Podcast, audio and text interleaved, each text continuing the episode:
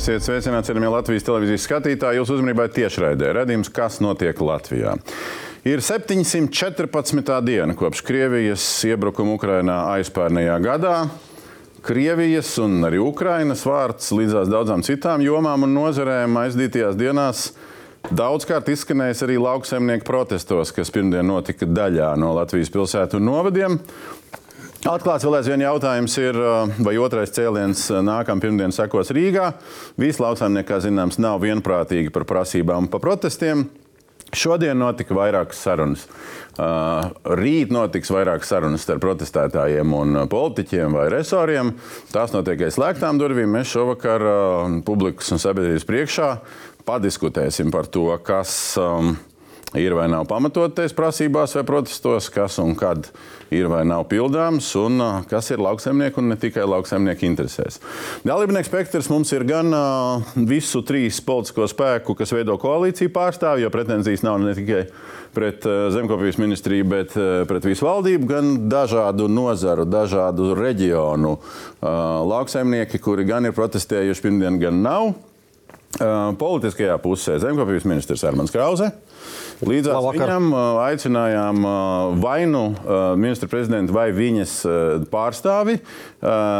Deleģēts pārstāvēt premjeras pozīciju ir saimnes deputāts un Eviks Siliņš, kā ministra prezidents parlamentārais sekretārs Jānis Patmalnieks. Labvakar. Un progresīvie mazāk redzami šajā sarunās, bet līdzatbildīgi par visdažādākiem jautājumiem, sākot no nodokļiem, beidzot ar transporta nozari.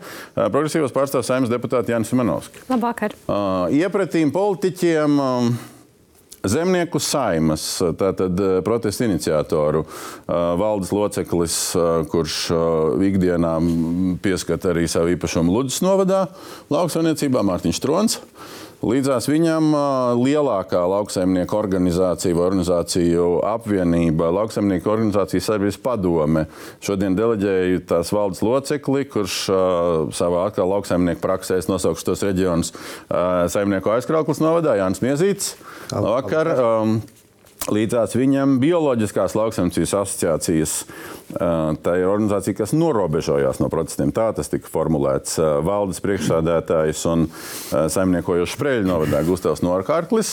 Labvakar. Un vēl divi kungi otrā rindā, kas nenozīmē, ka otršķirīgi nebūtu nē, bet kas bija protestos, bet nebūdami nu, teiksim, pievienojoties zemnieku saimas aktivitātēm. Um, zemnieku saimniecības saimnieks Valmieras novadā protestētāji attiecīgi arī organizētājs uh, Valmierā Jānis Ločmels. Labvakar. Un, uh, organizators protestiem Kuldīgā, uh, saimniekojot kā līdzīpašnieks uh, savā saimniecībā Dienvidu Kurzemes novadā Eriks Pucens. Labvakar. Nu, sāksim protesti un prasības ar to protestu padarīšanu. Um, daudz bilžu bija redzamas. Uh, man liekas, šī ir viena no niknākajām. Kā Krausēm ir jābeidz bendēt lauksaimnieks. Man liekas, niknāk es tā kā nu, neieraudzīju. Nu, labojiet man, ja es kļūdos. Nu, ja mēs pieliekam tās um, prasības uh, fonā, um, zemnieku saimnes uzrakstītās prasības, um, nu, pa bendēšanu tur neviena vārda nav. Bet tur ir 5 punkti, ar apakšpunktiem kopumā 17. Krauskungs, jūs šodien esat pateicis vairāk kārt, gan radiodiskusijā, gan pēc tam pēc sarunām, ka pirmdien, nākamā pirmdiena Rīgā nav jēgas protestēt, jo tas, ko var izpildīt Latvijā, tas ir izpildīts. Un paliek tikai iespēja solidarizēties ar Eiropas protestētājiem citās valstīs. Es diezgan cerams, precīzi noformulēju. Vienā reizē bija tādi vārdi, otrā tādi, bet principā um, tāds bija tas formulējums. Cik prasības no 17 ir izpildītas jūs ieskatā? Es precizēšu, tā tad uh, daļa ir izpildīta, daļa ir procesā. Un daļa ir Eiropas līmeņa. Tad, tad trīs, trīs, Cik trīs no 17 ir izpildītas? pozīcijas. Uh, es neesmu saskaitījis, bet es varu, Nu, pateikt, es saskaitam, varu, nu, pateikt, es varu pateikt pa lielo. Tātad pirmā, pirmā sadaļa. Nē, nē, nē, ātrā versijā. Nesat saskaitījis. Nē, nu, pirmā sadaļa, tātad imports uh, likums ir sagatavots. Mēs iesim pa sadaļām kopumā.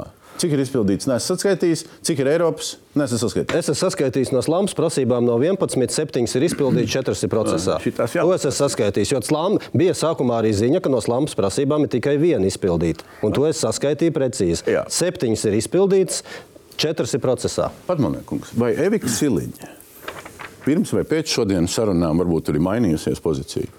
šķiro šādi šīs prasības, vai arī varbūt šķiro, ka daļa nav pamatotas, vai vēl kā citādi. Manuprāt, ir, eh, manuprāt, ir svarīgi, ka pašlaik dialogs notiek ar nozari. Tas, tas, manuprāt, ir eh, nozīmīgi. Un, man liekas, jāsaka paldies lauksaimniekam arī par to protestu formu, eh, miermīlīgo protestu formu, kas, kas mums bija, ko mēs pieredzējām šodien.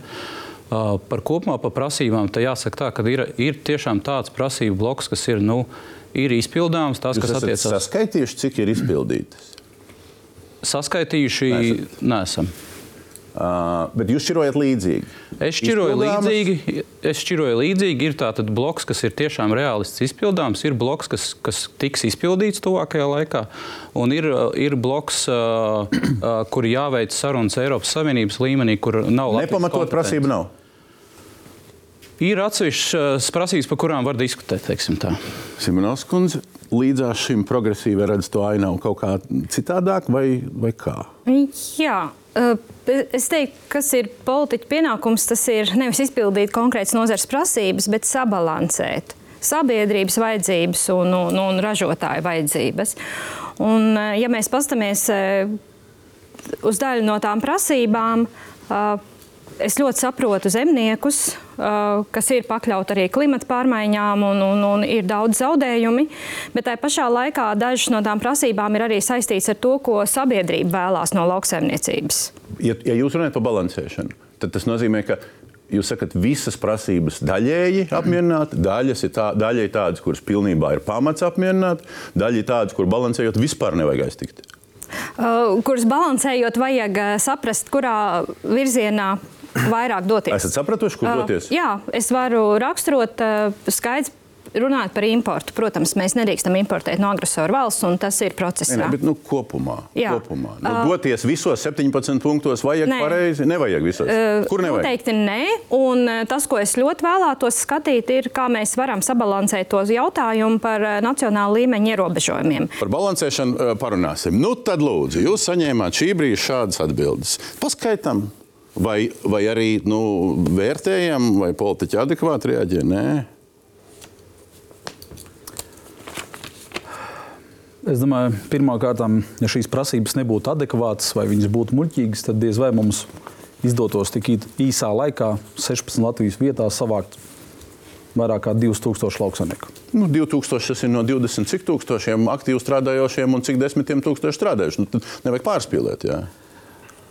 Skaidrs, ka neviena no šīm izvirzītām prasībām pašlaik nav izpildīta. Neviena.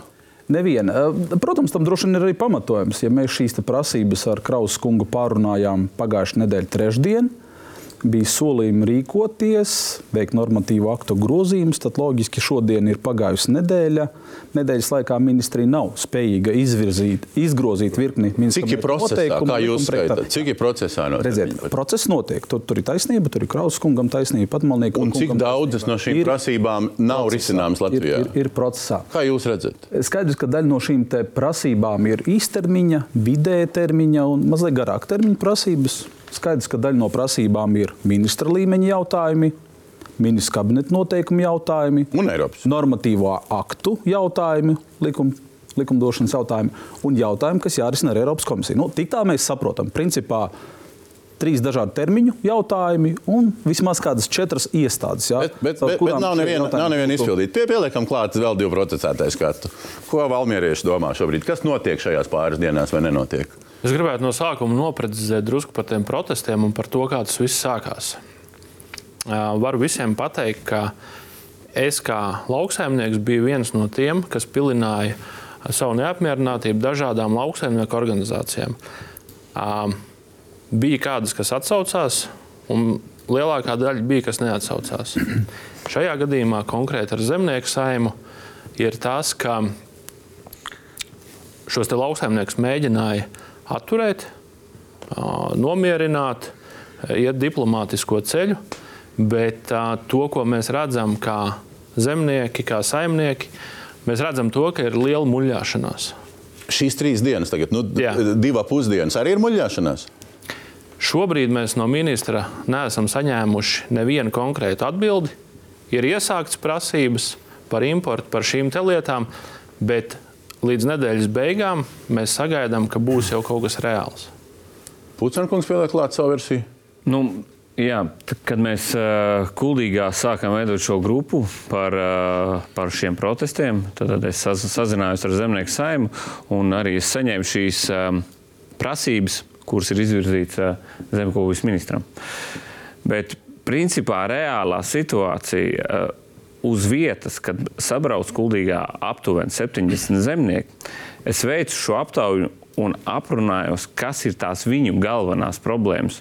Un jūs, jum, jums vienkārši nedaudz būs jāpabrīnās, ka pat šīs jau nebija tās galvenās problēmas. Tur tās problēmas ir samilzušas jau gadiem. Tur skolu tīkls tas pats, ceļi. Pāsts tagad. Nu, tās problēmas tik aug un aug. Un, un, un viens, no, viens no, piemēram, lopkopiem par atbalstu par lopkopības saimniecību. Tā zem, zem kurām jūs gājat ārā, ir šīs prasības. Tā vai citādi? Es, es, gribētu, nē, es gribētu precizēt, mēs jau te teicām, ka mēs pievienosimies šai organizācijai, jo mēs kā kuldīgs novads zemnieki, pievienojamies un atbalstīsim. Jo es uzskatu, ka lauksaimniekiem ir jāvienojas, lai kaut ko panāktu. Mēs nevaram savā starpā sašķelties. Vieni ies, vieni neies.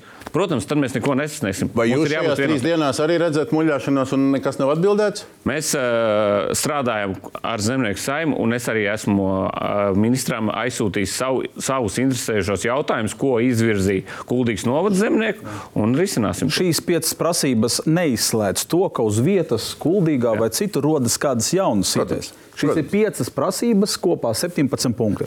Mēs, protams, varējām darīt tā, kā izdarīja Francūži. Manuprāt, viņi savam zemkopības ministram iesniedza 100 vai 150 ja, punktus ar prasībām. Kā ir tā, ir? Ko arī ir? Jā, nu, mēs gājām uz Jūs sakat, ka ir izpildīts un šitie pretī skan šī. Nē, nē, nu, tad. Ļaujiet, ļaujiet, ļaujiet ministram uh, pateikt, ko viņš saka uz jūsu reakciju. Nu, paņemiet kaut vai trešo punktu. Tad no tām četrām apakšprasībām divām termiņš ir vasarā.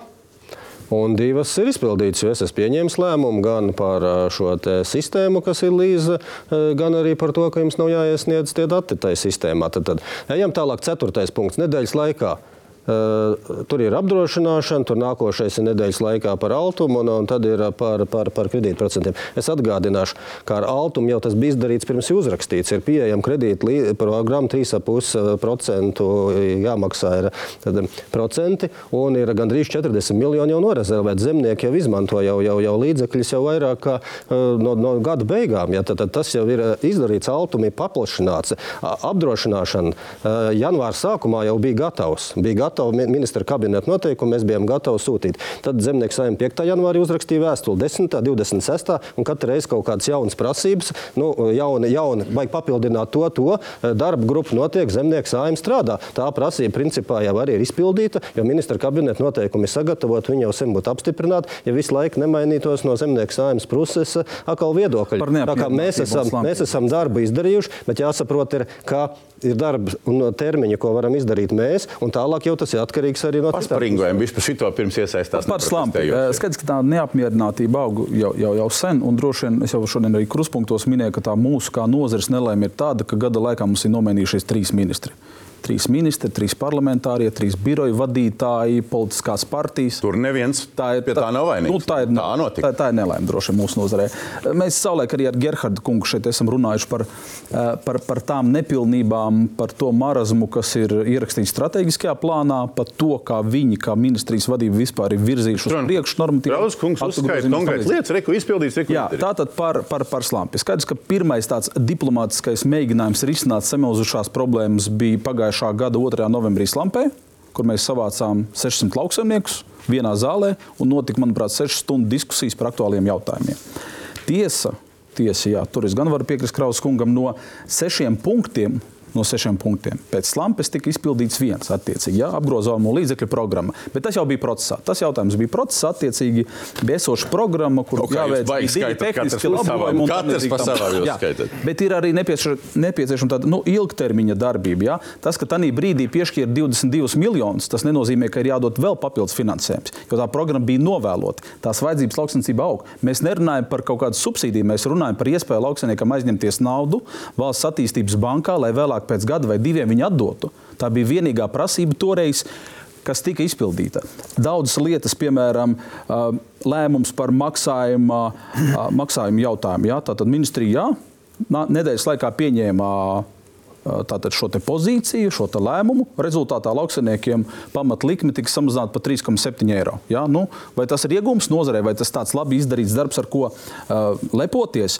Līdz pārvaldības sistēma valsts sekretārs paziņoja, ka no 2. novembra bezmaz vai mums šī sistēma vairāk nav jāizpilda, viss ir kārtībā, mēs viņu atceļam. Nekas nav atcelts. Apdrošināšana Jā, tika piešķirts papildu finansējums 24. gadam, bet mums nav ilgtermiņa redzējums, kā mēs risinām krīzes situāciju lauksaimniecības nozarē. Ja būtu pateikts, jā, 24. gads, 25. 26. mēs plānojam tādu un tādu finansējumu. Kredīta procentu dzēšana, eiribora likmes kāpums attiecīgi ir papildus finansējums 24. gadam, un kas notiek tālāk, tas nevienu neinteresē. 5% PVN.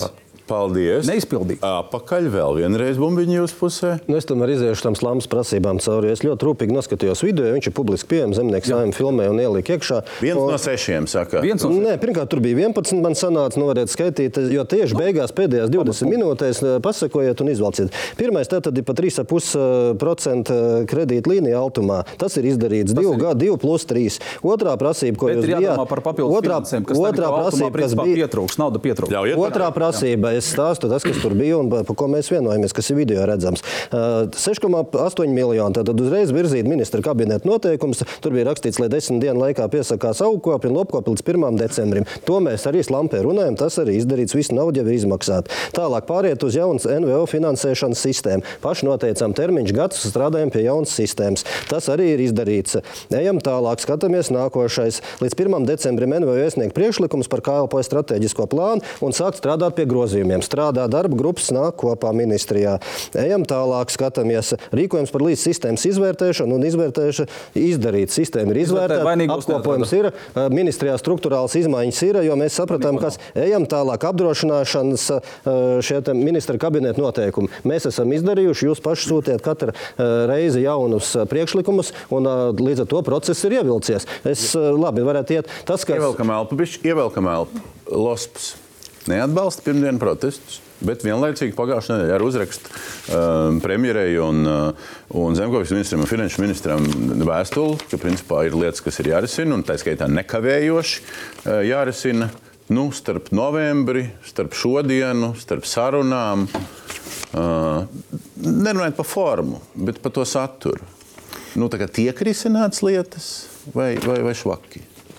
Nu, Lauksaimniecības sadarbības padome ir ļoti daudz organizāciju, tāpēc arī daudz neatbalstīja šo streiku. Un, uh, arī ir daudz dažādu viedokļu arī savās organizācijās. Uh, Mēs esam par dialogu, lai tiktu risināts šie jautājumi. Šie jautājumi jau risinājās arī pirms streika daļēji. Protams, ne visi, ne visi bet viņi risinājās. Bet viņi dialogs gan... labs, viņš četri mēneši pietiekami dinamisks. Mums tāds populārs vārds ir šai valdībai. Nu, dinamiski, saproties, katram, jebkuram ministram kaut kāds dinamiski vajag arī ieskrieties, lai viņš saprotas dinamiski strādā. Citi vispār neieskrējās, vienkārši viņi pazuda. Tā kā nu, tas dinamiskums tā. Vienīgais, ka šeit ir eh, ministrs no lauk, lauksaimnieka vidus, saprotas, viņš saprot, kas ir un kā to lietu darīt, protams. Lai to visu izdarītu, tas nav tik vienkārši, protams, jo tie lēmumi par šiem, šiem procesiem pieņemti jau ātrāk, kuriem nebija pareizi. Tagad viņi, viņi jā, jā, jāsāk pildveidot, lai tos varētu atrisināt. Visas šīs ekoshēmas, kuras pieņēma, un tagad jātiek galā ar viņām. Un šim ministram būs jātiek galā. Tas risinājums iet lēnām, bet, protams, zemnieki tādi grib ātrāk to izdarīt un ātrāk tikt. Nu, vienīgais pluss ir, ka uh, tomēr nav kā Eiropā mūsu maksājumi tomēr sakārtojās un tika izmaksāti daudz maz laicīgi. Protams, ne visi, bet vismaz tika izmaksāti. Bet es no jums tā kā vairāk dzirdu noskaņu, ka nu, vairāk labi nekā slikti ministrs un ministrija darbojas. Nu, pa vidu. Pa vidu. Bet ne, bet ne tik, tik nikni kā iepriekšējie trīs kungi. Nē, nu skaidrs, ka, ka Losps norobežojās no protestiem, bet uh, viņu biedri tieši lauksaimnieku protestos ir ņēmuši aktīvu kā kurš? Kā jā, kurš? Bet kurš? organizācija kurš? vadītāji norobežojas. Jā. Kā kurš? Par tiem protestu cēloņiem es uzreiz norkārtu bez, bez, bez ievadiem uh, attiecībā uz jums. Šis ir jūsu citāts vienā no intervijām. Jums tur pāris izteikumi bijuši ja? par virtuvi, kas notiek lauksaimnieku Eh, jomā. RTV sižetā tas bija protesta dienā. Ja būtu kāds cits ministrs, protestu nebūtu. zemnieku saimē kļuvis sarežģītāk strādāt. Iepriekš viss varēja sarunāt, tagad nevar. Nu, viņš paraksturojiet tālāk. Nu, vai tiešām tie 2000, visi tie traktori, visi tur 16 uh, novadi, vai nu viņi visi šito, šito te tiešām jūs tiešām domājāt, ka viņi, viņi tā paļāvās, uzķērās uz, uz plikāķi? Drušenka ne, neustaje hra s Sakrita apstākļi, ka jā, Eiropā protestēja, lauksaimniekiem slikts gads. Un, uh, ir emocijas aizkaitināt par visu, ne tikai par lauksaimniecību, par visām citām problēmām. Un, um, cik es lauksaimnieks redzēju, runāju, viņi vienkārši brauc protestēt. Varbūt daudz pat neizlasīja viss tas, kas, kas prasībās ir rakstīts. Skatieties, kā Latvijas Banka krāt galvu. Ir, neizlasīja. Visas 2000. Daļa neizlasīja un tāpēc neaizbrauca. Varbūt, 2000, es, bet es pabeigšu. Jā. Jā, 2000, protams, neaptaujās un tā tālāk. Bet, uh, Mans skatījums, es 15 gadus jau strādājot visās darba grupās, ministrijā, nozarē, zinot, kā strādā zemnieksājumi, kā mēs, citas organizācijas, kāda ir tā virtuve, politiskā virtuve nevalstiskajām organizācijām, kā tas notiek. Uh, tas, ka mēs norobežojamies, tas ir vairāk dēļ tā, ka zemnieku saimē mums ir atšķirīga vīzija par, par lauksaimniecību. Jā, bet no šīs vietas tas ir tas svarīgais. Nu, runājam atklāt valodu un uzreiz. Jā. Tad kas tika iepriekš sarunāts ar Digita Šmitu vai ar ko vēl, ja iepriekšējiem ministriem, ko tagad nevar sarunāt ar Krauzi? Kas ir jūsu versija? Pirmā konsultīvās padomas sēde, ko sāka Armāns Krauzi, iepazīstoties ar nozares organizācijām, pirmais bija, ja nemaldos, um, uzstādījums, ka būs atklāts process, būs jāreģistrējās, kas lobē, kas nāk, kur ko dara. Konsultīvā padome agrāk bija, arī tagad viņa, agrāk bija tā, ka konsultīvā padome ministram bija ļoti ērts tāds instruments, kad kaut kas tur strīdīgs, uztais konsultīvā, dažus jautājumus tur izskata, neizskata, citi jautājumi Tad. Piemēram, pateiksiet, ko viņi iepriekš bija sarunājuši, kas jums, kas jums nepatika? Es nevaru apgalvot precīzi, ko kā sarunāju. Es neesmu piedalījies citās sarunās, jo sarunas jau notiek arī ārpus konsultatīvās, notiek pie ministra birojā, notiek arī citur. Tā ir normāla politika. Labi, nav piemēram, nav. Pa ko jūs kratījāt galvu? Mēs, dārgie kolēģi, braucam ne pa to ceļu, kur. Griežat uz citu ceļu. Jā. Pirmkārt, tā lauksaimnieku protesta prasība pirmā un tas sāpīgais jautājums, ko mēs jau kopā ar graudkopības kooperatīviem cēlām no vasaras sākuma, ir par to, es pārstāvot piensaimniecības nozari, varu teikt un atbalstīt graudkopjus. Pamatā mūsu sāpe ir par to, ka ka mēs vēl joprojām divus gadus pēc uh, Krievijas iebrukuma Ukrajinā mēs vēl joprojām kā valsts importējam pārtikas preces, lop, uh, lopbarību, graudus no Krievijas un nodrošinam tam tranzītu. Tas ir pirmais punkts, par ko mēs vispār runājām. Un šobrīd es negribētu izplūst diskusijās sīkāk, bet jautājums ir par to, kā divu gadu laikā Mēs nevaram pieņemt nacionāli svarīgus jautājumus sarežģītā brīdī. Kā tas ir iespējams? Nu, tad pa šito ceļu, ja sākam iet, tad aizējām. Badmalniekungs bijāt parlamentārais sekretārs vienam premjeram, tagad nākošai premjerai. Nu, ko jūs sakat uz šo jautājumu? Manuprāt, kopumā Eiropas Savienība un arī Latvija ir strādājusi pie ar vien jaunām sankcijām Krievijai. Nesen tika pieņemta 12. sankciju kārta kura nedarbojas. Graudi, kāpēc nedarbojās? Graudi ir viens no jautājumiem, ko Latvija ir sākusi celt Eiropas Savienības līmenī kā sankciju objektu. Jāatzīst, ka nu, pašlaik tās diskusijas ir uzsākušās. Mēs esam ierosinājuši daudz citus jautājumus Latvijai, kas, ir, kas ir panākts attiecībā gan uz personām, gan uz jomām. Nu, lauksaimniecība un pārtiks preces ir nākamais, par ko ir, par ko jāsaka debats. Jāsaka, atvainojos. Tas, mēs, tas ir, šis ir, Latvijas šis ir nodrošinām pārtiku no Krievijas. Kādi, kā, kas uzsākts tieši? Mēs importējam pārtiku savā valsts teritorijā no agresora. Nu, tur gan bija arī lietas, ko mēs neražojam vienkārši Latvijā. Viņas nevar aizvietot ar Latvijas produktu. Nu, nu, tā, tādu, tā ir mazliet. Tādu produktu Eiropā nav. Tur, tur, ir, tur attaisnojumā jāsaka, ka tur var, var iepirkt tās varbūt citur Eiropas Savienības valstīs, bet jāatzīst, ka mēs tātad esam uzsākuši šo procesu. Tātad Zemkopības ministrija ir izstrādājusi likumprojektu, kas ir nodots, tiks nodots tuvākajā laikā saimai vērtēšanai. Tur, nu, jāsaka tā, ka tas būs strīdīgs jautājums Eiropas Savienības līmenī, ko Latvija kaut ko tādu izdarīs. Uh, nu, Parunājot par to likumu, parunājot par to likuma projektu, es saprotu, ka vismaz daļa no klātsošiem viņi ir redzējuši. Mēs šodien visi, viņu esam ieraudzījuši. Visi nav redzējuši par aizlieguma uh, noteiktu Krievijas Federācijas un Baltkrievijas Republikas lauksaimniecības produktu nonākšanai Latvijas tirgū. Saucās projekts uz pieciem pantiem, uz vienas lapas. Tas ir viņas.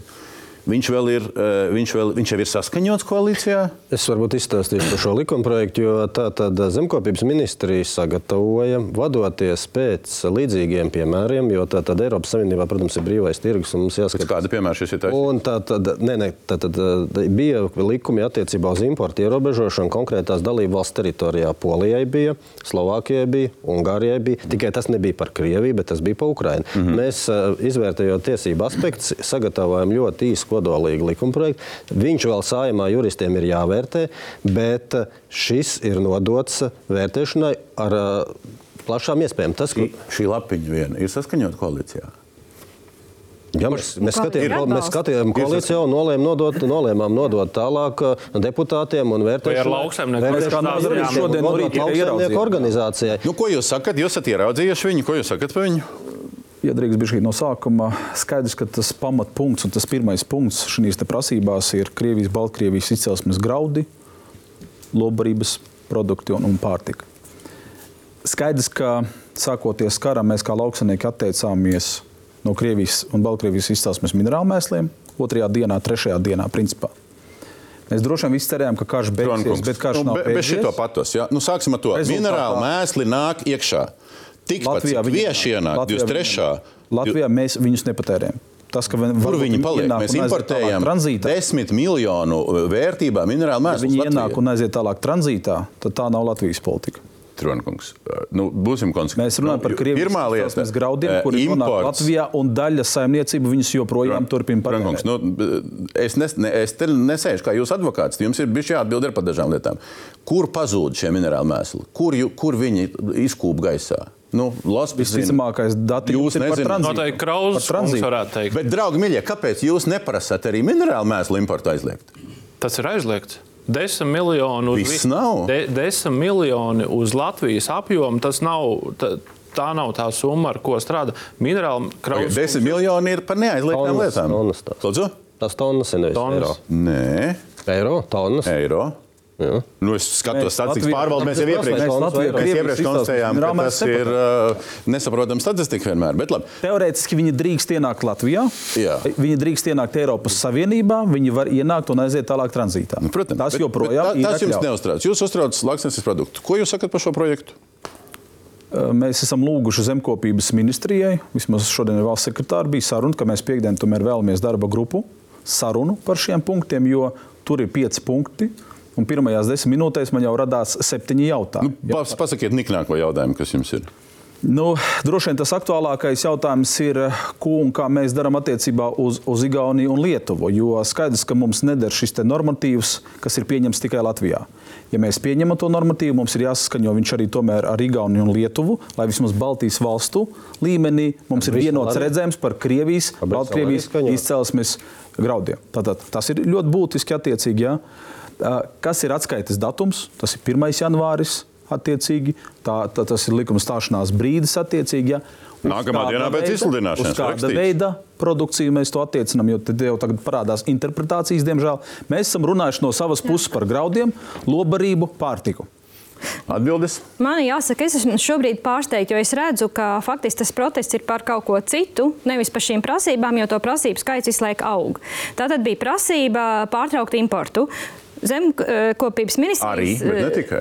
Bet ne tikai, bet pasīsimies šo vienu punktu. Nu. Ir pieteikts likums, kas ir uh, likuma projekts, kas ir jāizskata. Likuma projekta izskatīšana prasa laiku, lai mēs nepieļautu kļūdas. Tas tā vienkārši ir. Mēs nevaram likumu, nu, tā teikt, atnāk zemkopības ministra likuma zobos, mēs uzreiz sēdēju novēlam. Nu, tā nevar. Divi gadi Ja? pagāja. Ostas mēs vienā dienā Mēs šobrīd pārņēmām. tas tiek skatīts. Līdz ar to būs noteikti diskusijas, būs uh, sēdes uh, Redziet, komisijā, to, tajā brīdī par to, ka ir diskusijas, ir sēdes, Atļaujiet, ir labie mēs noklausījāmies, ko jūs teicāt. Bet nav reāla darbība. Es dzirdēju, ko jūs teicāt. Es ļoti uzmanīgi klausījos, ko jūs teicāt. Un es ļoti vēlētos, lai jūs atļautu arī izteikties man. Tātad, jūsu prasība tika uzklausīta tajā brīdī. Ministrs atnāca ar projektu. Šis projekts tiks skatīts saimā. Jūs jau sākat viņu kritizēt. Mums ir vajadzīgs diskusijas, mums būs sēde. Sēdē mēs arī diskutēsim, skatīsimies, kā pilnveidot. Laidīsim pēc iespējas ātrāk uz priekšu. Tagad es dzirdu jaunas prasības. Nē, nepietiks, ja pieņemsim Latvijā, vajag arī Igauniju, Lietuvu. Jā, es piekrītu. Tad pieņemsim Latvijā, turpināsies darbs ar mūsu kolēģiem. Tas notiks lai arī citas valsts pievienotos šim aizliegumam. Bet vispirms mums pašiem tas ir jāpieņem. Tas, ko es vēlētos teikt, jebkurš šāds ierosinājums, tu, protams, prasa zinām laiku. Un tas darbs, kas tagad notiek, izvirzam vienu prasību, kaut ko atbildam, un tad uzreiz nāk. Pa ko jūs ietverat? Nu, zin, kā, man, man, man liekas, nedaudz amorāli. Es paskatoties, varbūt tās nedaudz vēsturē, kad kaut kāda likuma projekta bija Krišāņa Kariņa valdībā jāpieņem, to spēj izdarīt vienā dienā. Osta reforma notika vienā dienā. Nu, mēs tam muļājamies no nedēļas uz nedēļu par graudiem. Tagad, nu, liekas tā, tā divējādi. Vienā brīdī mēs Ukrainai ziedojam naudu, bet vēl nedaudz tirgojamies ar Krieviju. Nu, kur ir morāla? Bet kur ir morāli tajā, tajā apakšpunktā par tranzītu? Jo mums visu laiku tā lēkāšana notiek starp importu un starp tranzītu. Un tas punkts, kas šeit ir par tranzītu, uh, nu, nav pieļaujams valsts dotācijas Latvijas dzelzceļiem, ja dzelzceļš nodarbojas ar Krievijas vai Baltkrievijas pārtiks tranzītu. Nu, pirmkārt, dotācijas jau dzelzceļam ir, jo viņš jau ir mīnusos. Ja? Un tas nozīmē, ka, ka šāda prasība nu, izklausās diezgan absurda. Ko, ka, nu, ja viņi turpina nodarboties ar tranzītu, tad tās dotācijas ņemam nost, kas ne, jau ir. Tas ir vienkāršāk. Mēs principā pašlaik ar valsts budžeta līdzekļiem subsidējam arī Krievijas graudu transportēšanu pa Latvijas teritoriju. Kuru, un es atgriežos pie tā, jūs kā, Lat, kā Latvijas, kas ir Alfa Osta līdzīpašnieks padomus loceklis, divus gadus, pieminētos divus gadus to tranzītu rulējāt, un Latvijas nopelnīja. Turpiniet, Latvijas īpašnieki ir pieņēmuši lēmumu, ir nosūtījuši arī aicinājumu pāriem. Tur ir vajadzīgs laiks un procedūras. Tieši tas, ko esam. Tāpēc mēs, mēs šo jautājumu nevaram atrisināt. Jā, diemžēl ar pāriem diviem īpašniekiem, tāpēc arī ejam tālāk, protams. Bet te nav stāsts tikai par Latvijas un Alfa ostu. Mums ir vēl ļoti daudz ostu. Mums ir uzņēmumi, kas ir, ir. Latvijā turpina paši patērēt Krievijas izcelsmes graudus.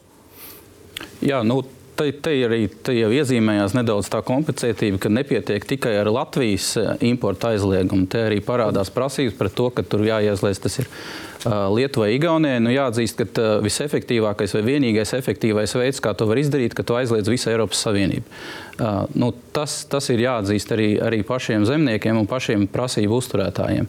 Jebkurš cits variants radīs robus un neizkontrolējams robus uh, tajā, ka, ja vēlēsies, tad šos graudus arī varēs ievest. Bet tad jums un visiem trijiem jāsaka, ka šis punkts ir noraidāms pašreizējā redakcijā par tranzītu. Nē, pa tranzītu. Pa tranzītu. Pa tranzītu. Tad mēs, nu, satiksmes ministrijas. Mēs, uh, ejam soli pa solim. Mums ir jāpanāk importa aizliegums. Es jau kopš oktobra, starp citu, to arī organizācija zina. Tā ir apstiprināta Latvijas pozīcija par Krievijas pārtiks importa aizliegumu Eiropas Savienībā, kas ir sankcija. Un tad viņš nevar ienākt visā Eiropā. Par tranzītu mēs varam iet nākošo soli, tad, kad mēs esam panākuši aizliegt importu. Un arī tas ir Eiropas Savienības lēmums. Un mums ir jāsaprot, kur ir tiesiskais ceļš. Mēs nevaram pārkāpt likumdošanu. Tāpat Eiropa maksā naudu, jūs saņemat platību maksājumus. Tajā vietā mēs ņemam pretī, viss ir kārtībā. Tā kā mums jāievēro Eiropas likumi, tad jūs sakiet, tos jūs pārkāpjat. Līdz ar to mēs ejam tiesisko ceļu. Mēs nevēlamies pārkāpt Eiropas likumdošanu. Otra lieta, mēs arī nevēlamies radīt zaudējumus Latvijai, steidzīgi pieņemot kaut kādus lēmumus. Tiešām viņi ir jāizvērtē. Tā kā jūs teicāt, jāsaskaņo ir Tronkungs teica ar Lietuvu, Igauniju. Nu, iespējams, tad arī ar Briselu mums jāsaskaņo ar visiem, jāsāk skaņot. Ierīņas kundze šodien sarunā apliecināja to, ka viņi ir gatavi jau šodien sazināties ar Lietuvas un Igaunijas parlamentu spīķeriem, lai kopīgi mēģinātu virzīties šī normatīva akta pieņemšanu visās Baltijas valstīs attiecīgi. Kā mēs jau iepriekš esam runājuši, divu veidu imports. Imports Latvijā un imports Eiropas Savienībā. Par importu Eiropas Savienībā pilnībā jums piekrītu. Jādodas uz Briseli, jārunā. Imports Latvijas teritorijā, imports Latvijā. Kas mums traucē aizliegt mums pašiem savā valstī importu no Krievijas un par dzelzceļu? Kā tas nākas, ja šis pārtikas, lopbarības un graudu tranzīts ir tik vilinošs? Kāpēc mums ir jādotē dzelzceļš, bet kāpēc mēs neesam vēl līdz šodienai palielinājuši infrastruktūras maksu tranzīta pakalpojumiem? Kāpēc no PVD kontrolas eh, maksas palielināt? Mēs no paši subsidējam, bet pakalpojumu maksu sniegtam pakalpojumam ne, nejēdzam. Ir pat dzelzceļa atbildes. Par dzelzceļu mēs ļoti ilgstoši. Nu, Saimniecību mēs nevaram vienā brīdī pārkārtot. Latvija ir izdarījusi ļoti daudz, patiesībā sakot, kopš iebrukuma, Krievijas iebrukuma Ukrainā. Mēs esam ļoti daudz gājuši projām. Tas pats attiecās uz visu Latvijas saimniecību. Diemžēl pagātnē Latvijas dzelzceļš tika lielā mērā veidots kā loks uz Krieviju. Tā bija realitāte. Mums ir jāiet no tā prom, viennozīmīgi. Un pie tā tiek strādāts, bet tas nav iespējams. Pie tā tiek strādāts, tā ir abstrakta frāze. Nu, vai nu mums ir skaidra pozīcija par, par, par no, ko mēs darām, vai nav?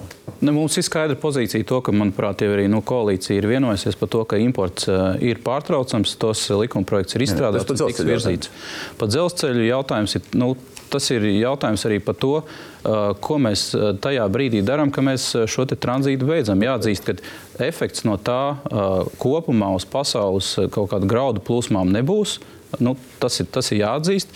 Un mēs eh, vienīgais, ko mēs izdarīsim, mēs eh, faktiski vēl vairāk būs pārējās pabiedrības spiesta dotēt dzelzceļa infrastruktūru, lai to uzturētu.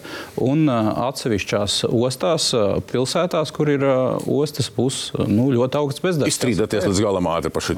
Mums decembrī bija, bija attālinātā saruna ar vairāku ministriju pārstāvjiem. Tad skaitā bija arī satiksmes ministrijas cilvēki un Latvijas dzelzceļa vadītājs bija tāda ļoti divējāda sajūta. Ja? Tad, kad uh, satiksmes ministrs vai ārlietu ministrs runāja par Krievijas graudiem, tad bija paziņojums par to, ka mums ir jāvirzās uz importu aizliegumu. Tāpat laikā decembra beigās bija sanāksme, kur Latvijas dzelzceļa vadītājs, piemēram, mums atļāvās kā nozarei pārmest, ko mēs te vispār iedomājamies. Ja runāt par importu aizliegumu vai tam līdzīgi. Ja?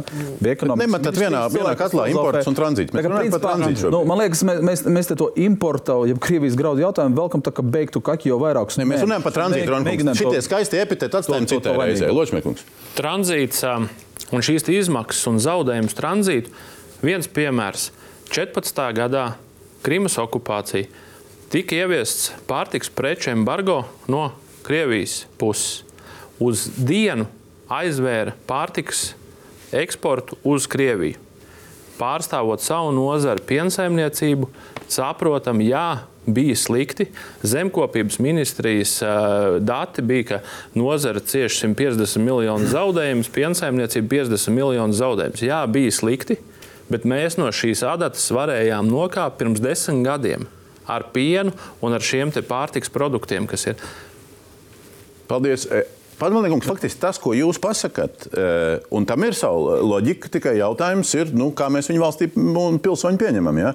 Ka mēs šobrīd vienpusēji, teorētiski, tranzītu varētu aiztaisīt ciet Latvijā. Mēs varētu nacionālo sankciju uzlikt uz tranzītu. Tas būtu iespējams. Bet praktiski bet mēs... tas ir ekonomiski neizdevīgi. Ekonomiski totāli. tas ir totāli neizdevīgi. Un otrs, mēs pārkāpjam, mums mēs esam uzņēmušies jāatzīst arī starptautiskas saistības esot Eiropas Savienībā. Un Eiropas Savienībai kopumā ir jāpieņem šāds lēmums, lai mēs varētu to izdarīt. Jūs juridiski jūs gribat teikt, ka Latvijas Republika nevar pieņemt lēmumu, ka mūsu nacionālā uh, pozīcija un līdz ar to sankcija, ja mēs viņu varam saukt par sankciju, ka pa Latvijas valsts dzelzceļa sliedēm Krievijas izcelsmes graudus neved. Mēs to nedrīkstam izdarīt. Mēs, mēs varam droši vien izdarīt tā, ka mēs nu, aizliedzam Krievi, Latvijas dzelzceļam veikt šos pārvadājumus. Tas ir tas, ko, piemēram, Igaunija izdarīja, un, un tas, tas ir iespējams uh, droši vien. Ja runā par, tā, par tranzītu kopumā, ka mēs aizliedzam graudiem kā tādiem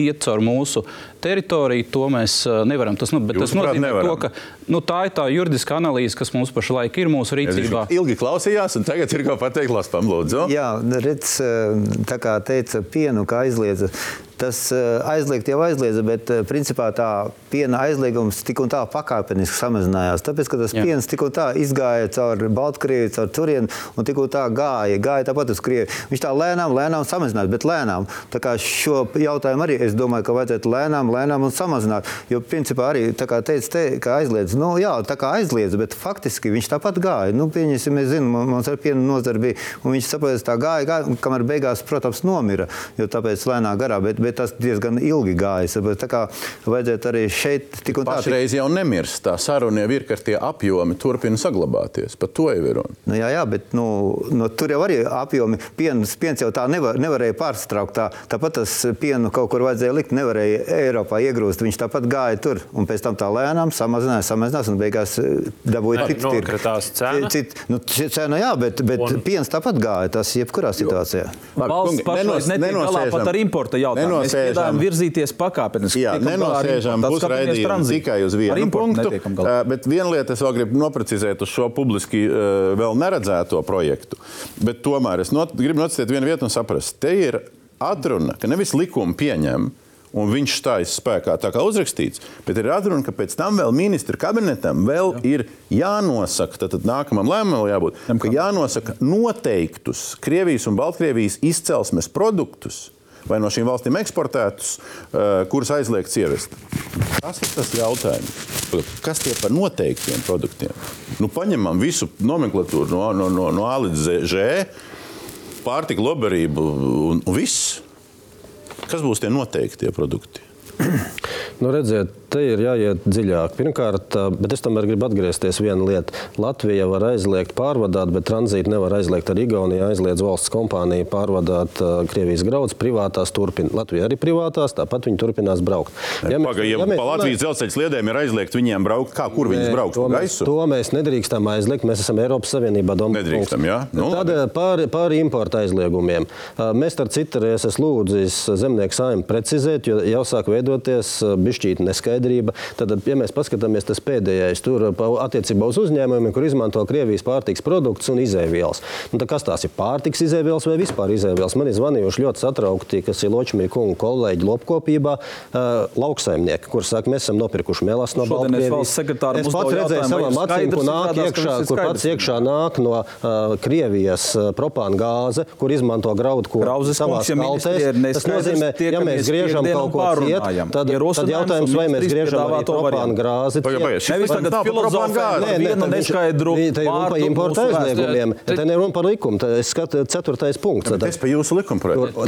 Cik, cik mēs, tātad te ir jābūt, te ir jābūt šim te tehniskam risinājumam, cik mēs tālu ejam. Jo es saku, tātad tajā, kas ir rakstīts tajās prasībās, tur ir ļoti skaidri rakstīts izēvielas. Tur nav rakstīts pārtiks izēvielas. Un ja mēs runājām par to, ka mēs aizliedzam pārtiks izēvielas, vai mēs visi, jo es saku, nu, Ločmeņa kunga kolēģi paši prasa, ne, mēs gribam turpināt izmantot Daudz. Krievijas pārtiks piedevus. Mēs gribam izmantot to, to pašu propānu gāzi. Man ir pateikuši, ka, ja nav Krievijas propānu gāzi, mēs nevarēsim izkaltēt graudus. Tāpēc tas, tas man liekas, draugu. Ne, tas man, tas man liekas, un aprunājamies, bet ir trīs gadus sarakstāmies par tēmu. Jāsaprot, ir jāsaprot, ko jūs tiekamies piekdienas sanāksmē. Valsts sekretārs teica, ka pārpratumu nav, viss skaidrs, viss ir izlabots. Tiekamies pret zemlietas, ejam uz priekšu. Jūs beidzat diskutēt par kaut kādām muļķībām uz gāzi vai Belarusu rezerves daļām. Jūsu pašu ieciklēt. nāk un prasa šādas lietas. Tāpēc, ja viņi jū, tāpēc tiekamies un runājam. Ja jums kaut kas nav skaidrs, tiekamies un runājam. Mums tad, viss ir skaidrs. Tāpēc man liekas, ka ļoti skaidri jāpasaka, ka mēs tātad jūs vēlaties, lai no Krievijas turpinātu gāzi ienākt, lai turpinātu rezerves daļas ienākt, lai turpinātu gāzi nav mūsu kompetences jautājums. Mēs nelienām vēl tagad mēs nevēlamies, lai ienāk tas un tas, un tāpēc ir vajag skaidru sarunu arī par šo sarakstu, ko ta vēlās un ko ta nevēlās. Ja mēs pieņemsim Domborkungs visu, jā, tad pēc brīža būs klāta lopkopības nozars pārstāvi, kur teiks, ka nē, tos kodus mēs nevaram aizliegt. Pavisam vienkārši. Tāpēc arī šis tiek deleģēts grupā ir deleģēts ministra kabinetam un ministra kabinets aizliedz. Kā viens ir atbildējis, ka viņi ir pilnībā gatavi atteikties no Krievijas, Baltkrievijas graudiem un cita veida lobarības izēvielām. Tikai jūs attiekušies neesiet un, un tāpat kā Alfos turpina darbu. Ar interesi gaidīsim turpmākos pēc šī vakara komentārus, kas ir noteiktie produkti un kas paliek ārpus noteiktiem produktiem. Pamainām tēmu strauji. Um, zemnieku saimnes prasībās. Um, Daži apakšpunkti. Mazāk nekā Lospa vēstulē ir uh, par nodokļiem. Ospa vēstulē uh, valsts augstākām amatpersonām, nu, valdības ministriem un premjerai uh, ir seši punkti saistībā ar nodokļiem. Dažas lietas pār, pārklājās, dažas lietas ir vēl citas. Mēģinājām par, pa, parunāt un padalīties viedokļos, cik mēs esam uh, li, li, lielā vai, vai nelielā vienprātībā par šīm lietām. Um, Lospa šie seši punkti nu, pēc kaut kāda grāda, tur no 1 līdz 10. Nu, tas viss ir nu, kritiski. Un, ja šī to neizpilda līdz kādam brīdim, tad Lopes saka, mēs ar traktoriem. Protests divi. Jā. Nu, jā, tas iespaidos visus, pilnīgi visus, gan saimnes, gan visus, ja apliks ar nodokļiem subsīdijas, tas ietekmēs visus. Un jau tā ir principā mūsu mazākās subsīdijas Eiropā un vēl apliks tās pašas. Es domāju, Protams, būs problēmas visiem. Tāpēc mēs gribam to laicīgi jau eh, sākt pacelt šo jautājumu, jo beidzās tas termiņš 25. gadā. Un, lai laicīgi, lai neiznāktu tāda situācija kā tagad, kad eh, sāk to, kas jau bijis, jau ātrāk jādara, lai šo jautājumu risinātu. Jo tīt būs nodokļu maiņa. Un šie, šie jautājumi ir labāk, ātrāk viņi iesākt un saprast un diskutēt jau tagad. Tas nozīmē, ka LOSPS eh, par nodokļiem konkrēti piekrīt 5% augļiem dārzeņiem, ko zemnieks saimnieks saka, piekrīt uh, palielināt apjomus, kas ir bezakcijas degviela, plus vēl liek nekustamā īpašuma lietas, subsīdiju neaplikšanu uh, un vēl nodokļu atvieglojumu zemes uh, pārdevējiem un sezonas lauksaimniekiem. Ne tikai augļiem un dārzeņiem, principā ir ļoti smaga, smaga lieta piena nozarei, kur arī vajadzētu šo PVN noņemt, jo visā Eiropas Savienībā nekur nav, izņemot mūsu Baltijas valsts un vēl vienu Eiropas Savienības valsts. Tā kā tas jautājums vēl ir atklāts. Un lēnā garā to varētu samazināt, lai tā nebūtu tas nodokļu tam budžetam tāds liels sloks, viņi varētu tā pamazām samazināt. Bioloģiskie te nenorobežojās ne no kā. Bioloģiskie te ir arī losps, vai te ir ar kaut kādas atšķirības. Nodokļi tādi, nodokļi šitādi, tiem tādi, tiem šitādi. Mēs pieliekam klāt vēl uh, bioloģiskai pārtikai PVN samazināšanu arī. Protams, nodokļi ir uh, arī bioloģiskiem visi tie paši, un uh, mēs esam arī LOSP dalība organizācija. Un šie nodokļu jautājumi, kas tagad plānojās reformēties, šie ir tie nozīmīgie nodokļi, kas skar katru lauksaimnieku un ietekmē viņu finansiālo situāciju. Un tāpēc mēs jā, šeit ir viennozīmīgi mēs esam par, un šīs ir lietas ir ļoti svarīgas arī bioloģiskiem lauksaimniekiem. Nu, tagad koalīcija, kura četrus uh, mēnešus, nu jau piekto mēnesi, stāsta par to, kā viņai būs superīgā tā uh, nodokļu izvērtēšanas grupa labāk nekā iepriekšējai koalīcijai. Krauskungs saka, kā viņš šai grupā ir iesniedzis uh, samazināto PVN visai pārtikai, ja, ne tikai augļiem un dārzeņiem. Nu, un tagad ir jautājums, nu, mēs kaut ko atbildam lauksaimniekiem, vai viss, ko mēs viņiem šobrīd atbildam, grupa kaut kad turpinās strādāt, visu izvērtēs un tad pateiks, vai mēs viņus katrā punktā pasūtām. Vai nepasūtām?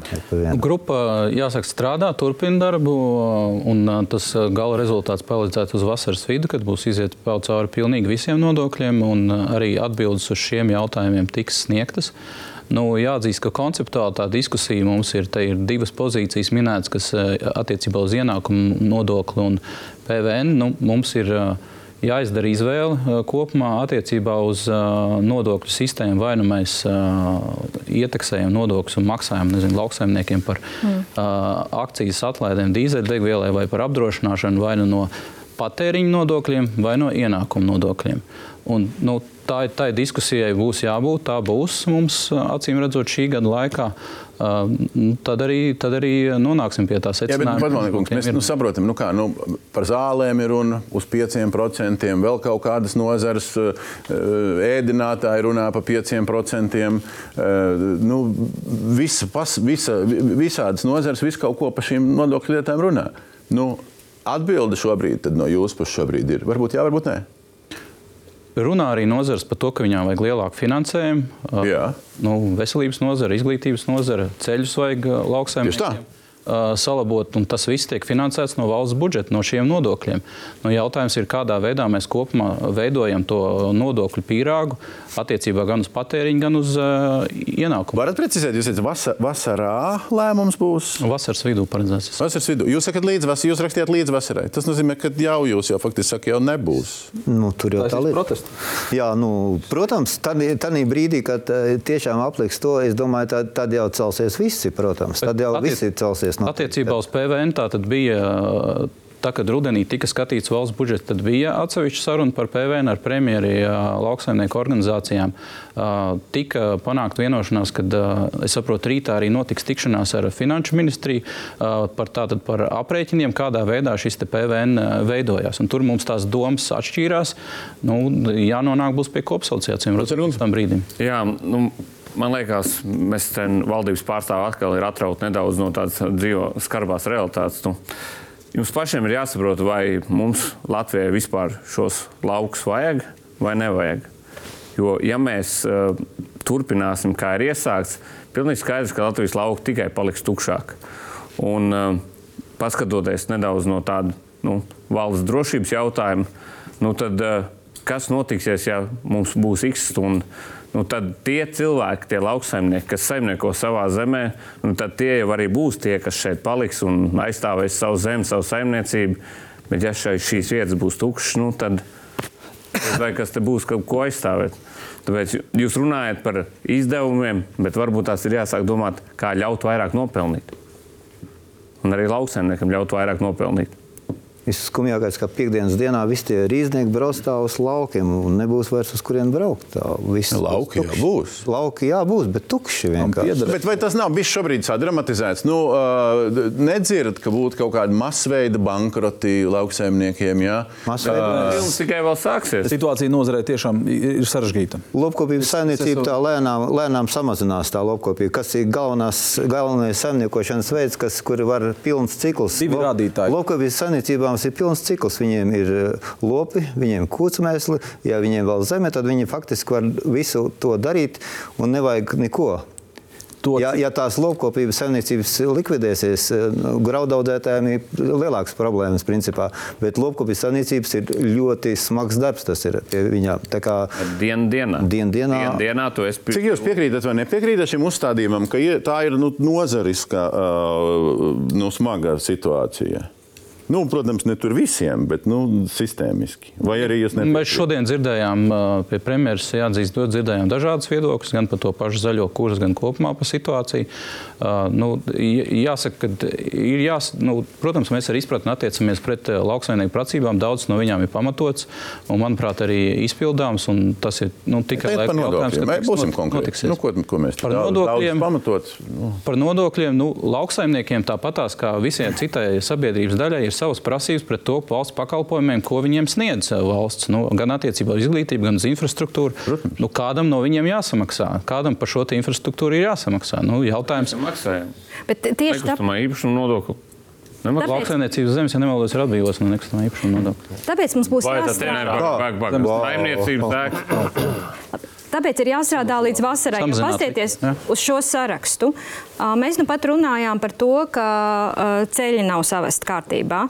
Kā, kā, kas finansē ceļu savešanu kārtībā? Tas ir valsts budžets arī. Simonovs, ko jūs to gribat pateikt? Es ar to gribu Nevaram mazināt, tāpēc, ka mazāk ieņēmumu būs un ceļus nevarēsim savest kārtībā. Tāpēc ir vajadzīgs šis laiks. Ta, tas, ko es teicu iepriekš, ir jāsabalansē vajadzīgs laiks, intereses. Jo redziet, Nu, tad varbūt gadījumā Mūžam vajadzīgs Jā. laiks. Tad varbūt Lūk, un ienu par nocisto tāpēc- koku neatstājam tādā pašvaldībā, kur tas koks ir audzis. nevis Jo tur, mēs tas nevaram tā saņemot, saņemot šādu iesnie, pieprasījumu, kad viņš tika šis iesniegts. Pirms nedēļas. Pirms nedēļas. Mēs nevaram nedēļas laikā atbildēt, kā Jūs sabalansēt. piekto šo mēnesi nodokļu grupā tur strādājat un strādājat un nevarat atbildēt. Tāpēc, kad uh, ir jāsabalansē visi nodokļi, un tad ir jāskatās, ja mēs palielinām, piemēram, ja mēs samazinām PVN likmi pārtiks produktiem. Nē, nē, mēs... Simonovs kundze, tas ir viss skaidrs. Mēs šādi teoretizēt varam līdz bezgalībai. Jautājums, vai ir uzstādījums, ko atbildēt? Jūs iesiet rīt uz to finanšu ministriju. Nu, nu, nu, nu, jums būs šīs pašas Mums atbildes. paaicināja, droši vien izdzirdēja, ka ir protesti, beidzot Jā. paaicināja uz sarunu. Kāds būs rezultāts, man grūti pateikt.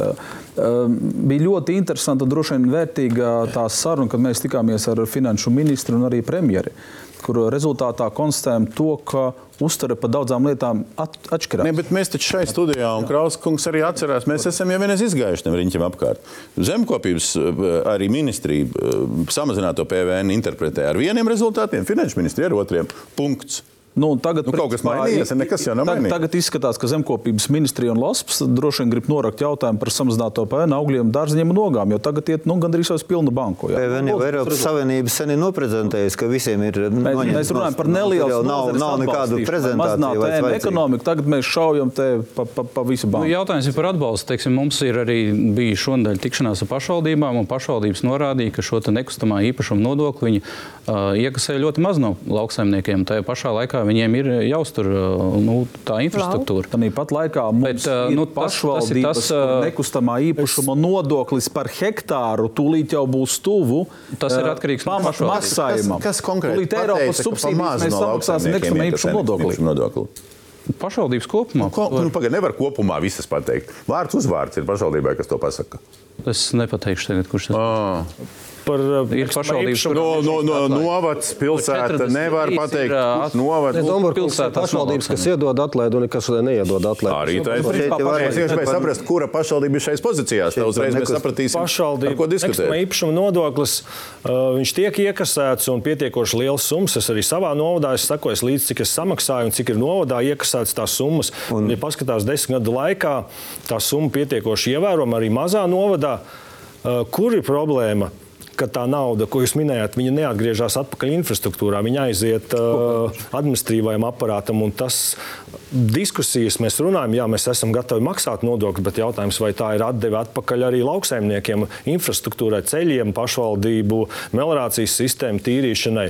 Tas ir jautājums. Nav šaubu, ka jums ir argumenti. Vai zemkopības ministrs, skatoties uz šo sarakstu, nu, līdz ar to zēzēs, ir ar definētu pozīciju? Ka jā, ja šitas, šitas nebūs, tad tā ir sistēmiska problēma nozarei. Vai arī jūs esat tajā pašā pozīcijā, viss jāizskata kompleksi, darba grupa strādās, kad izstrādās, tad redzēsim. Par PVN tā neapšaubāmi diskusija kopā koalīcijā. Par lauksaimniecības subsīdiju neaplikšanu tā šobrīd jau pastāv, un es domāju, ka nekas te nav jāmaina. Tā arī jāpaliek par kadastrālo vērtību izmaiņām. Mēs jau esam runājuši, starp citu, ja, ja palielinās kadastrālā vērtība, piemēram, 5 reizes, tad attiecīgi likumi jāmazina 5 reizes, lai summa nodoklī nepieaugtu. Tāda saruna, starp citu, bijusi koalīcijās. Un par, par, par tā sezonas lauksaimnieku programma. Tur ir vajadzīga izmaiņas, lai vieglāk būtu. Mēs tik, tikko pieņēmām lēmumu par kopumā par, par, par, par um, uh, darba spēku, ka nav jāmaksā vidējā tiem, kas iebrauc Latvijā, bet ir nozarē vidējā. Par dīzeļdegvielas apjomu likmēm ir divi ceļi. Vai nu no prasām 2,6 apmēram miljonus papildus iedodam lopkopībai, tas ir no budžeta jāprasa, tā jārunā kā koalīcija, vai, piemēram, graudkopībai pārdalām lopkopībai. Populārākā atbilde ir jārunā ar koalīciju. Nē, nē, pagaidiet, mēs varam pārdalīt, pilnīgi nerunājot ar koalīciju, 20 litrus paņemt no graudkopiem, iedot lopkopībai. Es kā graudkops varu apliecināt, ka graudkopībā tik daudz nav vajadzīgs. To es ļoti Ministra labi zinu. Nevis varam pārdalīt, Visu, varam arī nepārdalīt. Nu, nē, nu, mēs varam to izdarīt, bet tur ir, nu, es jau eh, redzēju komentāru komentārs Tronkungs jau iekomentēja, ka viņam tas nepatīk. Nu, es nezinu, kur viņš to degvielu vēl liek, kā tikai lauksaimniecībā. Tālāk šeit... par nodokļu atvieglojumiem zemes pārdevējiem. Par... Mums, jāteiek skaidrība, atkal ir pa lietām, par kurām mēs runājam un kāpēc mēs par viņām runājam. Šeit ir nodokļi, nodokļu jautājums. Pie premjeras mēs, kad šodien komunicējām, tur bija uzstādījums tāds par nākošā gada nodokļiem. Pārunas sākās martā. Vai jums ir plānots piesaistīt lauksaimnieku organizācijas un to darīt? Nevis tā kā mm, nu, mēs no, mūs noliek faktu priekšā. Gada vidū būs izdiskutēts, pieņemts, nu, un tad skatīsimies, kas tur būs. Sadarbības padomē mūs nelaiž sarunāt, diemžēl. Prasījušies, jā. Darba, bet darba grupas ministrijā darba visu laiku notiek, un ministrijā nu, jūs paši tikko runājat, ka par tiem pašiem apdrošināšanu jau entās reizes nākam kopā, izskatām jūsu vēstules darbs šobrīd notiek. Tieši tāpat arī mēs ar jums uh, saskaņosim pozīciju par nodokļiem un iesim to uz uh, koalīciju. Un tā nodokļu darba grupa pa vidu, kā tur, tur, tur, tur tā kā arī iesaistīs tos lauksaimniekus, ja tur viņas neiesaistīs. Ir Tā ir poli- runā tā ir par- politiski. Ah, tā ir politiski. Tur nē. Tur nē. Jā. Um, jā, tas ir ļoti svarīgi, lai mēs nepazustu šajā politikas veidošanā par nodokļiem. Nodokļi ir daudz, un arī daudz lauksaimnieku organizācijas, ka nu, tas būtu, ka mūs, mēs tiktu arī tas ir uzsvērts šajā gadījumā šis jautājums. Šie ir svarīgie nodokļi lauksaimniekiem, un mēs gribam piedalīties šajā procesā, lai nesanāk tā kā pagājušajā gadā ar PVN pazuda kaut kur un pēkšņi, kad jau vairs neko nevar izdarīt. Un es gribētu minēt piemēru par sezonas laukstrādnieku programmu. Īstenībā tas ir viens no tādiem izcilākajiem, labākajiem pasākumiem, kur ir birokrātijas nav un ļoti ideāla programma vispār nodarbināšanas veicināšanai, nodokļu nomaksai par darbiniekiem. Un, nu, tā tāds labs piemērs, kur varētu likt ārā arī varbūt citiem uh, pasākumiem. Labi, laiks rādīs, uh, kas tur notiks. Es domāju, ka drīz mēs būsim spiest atgriezties pie šī temata. Bet es jau gribu uh, paturpināt par to, par to nu, nodokļu līdzeklis kaut kam, bet pie tiem rezultātiem. Uh, nu, Tik pieminēti rezultāti, mēs dažas bildes uh, uztaisījām no oficiālās statistikas uh, lāde. Nu, tad, tad govju skaits, kas ir reģistrēts tajā piena pāraudzības reģistrā, nu, viņš, jā, viņš tur kopš pēdējiem desmit gadiem faktiski viņš, viņš krīt. Nu, viens piemērs, tas ir uzskatāms tomēr. Nu, tas ir tā kā normāli, kad mums samazinās šāds rādītājs. Vai arī tas ir kaut kādas sliktas, nepareizas, aplamas, kļūdainas politikas rezultāts? Es labprāt varu atbildēt. Nu, pirmkārt, šobrīd. mēs Zemkopības ražojam- ministram neviens nedosim. Nu, labi, okay, sāksim. Labi, labi, labi Sivinovs kungs. Pasakiet, kas Es ir pie vainas, bet pasakiet arī, vai zemkopības ministrijas politika, arī iepriekšējo ministru politika tur ir pie vainas. Jūs, kā, jā, jūs bijāt tas kandidāts pareizi, jā. Nē. Ministra Uh, Lūdzu. Piena patēriņš, diemžēl, krītās visur pasaulē. Tāpēc objektīvi šis ir. Tas ir objektīvi. sakot. Krītās, ja paskatās datus. Krauskungs piekrīt, ka Tas šis ir objektīvi īsā versijā. Pagaid, nu, lai pabeidzam manu. Nē, nu, bet tā ir īsa atbilde. Pēc tam tur var daudz lietas krītās, ka viena patēriņš, tāpēc objektīvs rezultāts. Un tas, ir- kas ir eh, jautājums, cik agrāk eh, dalot arī subsīdijas, kas nāk no Eiropas Savienības, ir bijis sistēmisks skatījums, strateģiski, kas ir tās nozares, ko mēs attīstam. Tā ir problēma. Tad tur ir kļūda. Vai š- vai nav kļūda? domāju, ka iepriekš ir Jūs kā redzat? Eh, Pirmkārt, eh, jums te vajadzētu vēl otru grafiku, saražotā piena apjoms pielikt klāt. jo tad- Labi, labi, tad- nē, Tas ir ļoti, nē, tas ir ļoti būtiski, jo daudz saimniecības, protams, kas ir mazas dažu goju saimniecības, viņas varbūt pārtrauc savu darbību, viņām ir uh, mazāk izslaukumi. Savukārt tāda kā Miezīšu kungam, nu, faktiski abiem jāņem, ja noteikti jums ir uh, labas saimniecības, jūs To izslaukat šito vispār nav jāstāsta kā Nē, nē, kritērija. nē, nē tas, bet, bet tas ir slikti, ka samazinās uh, no lauksaimniecības politikas viedokļa. Kā es teicu, tā ir tā kopējā strate, lauksaimniecības strateģiskā Jā, jā, tā. Saliekot visus maksājumus kopā, saliekot visus maksājumus kopā lopkopībai, tiek papildus maksāt no valsts par cilts darbu un daudz dažādu lietu.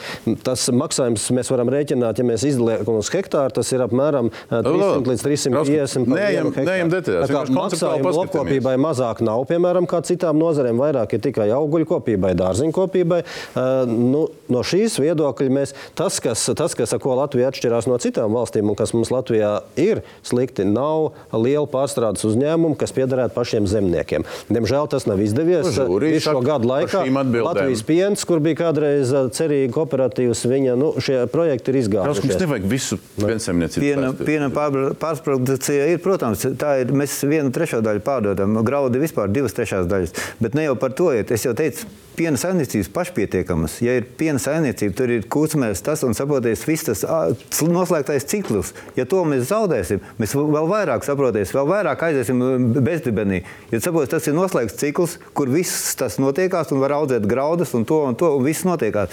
Un tāpēc tas tam līknei taisnība uz augšu vajadzētu celties, jo vairāk, jo labāk. Protams, graudkopība ir tu, tur vairāk ieguldīts, saproties, tur to var redzēt pēc skaitļiem ekonomikas ministrija. Tāpēc piena lopkopība vai, vajadzētu jebkurā situācijā viņu pacelt augstākā līmenī, saproties, un vairāk, lai tā tiešām, tad tur nav svarīgi, cik piena izslauc, ir svarīgāk, ka cik saimniecības paliek. Jo vairāk viņi paliks, jo vairāk lielāks apjoms. Un tagad ir tas jautājums par lielo kobildi. Bioloģiskie teiks, ka vairāk viņus vajag atbalstīt. Nu, teiks, teiks.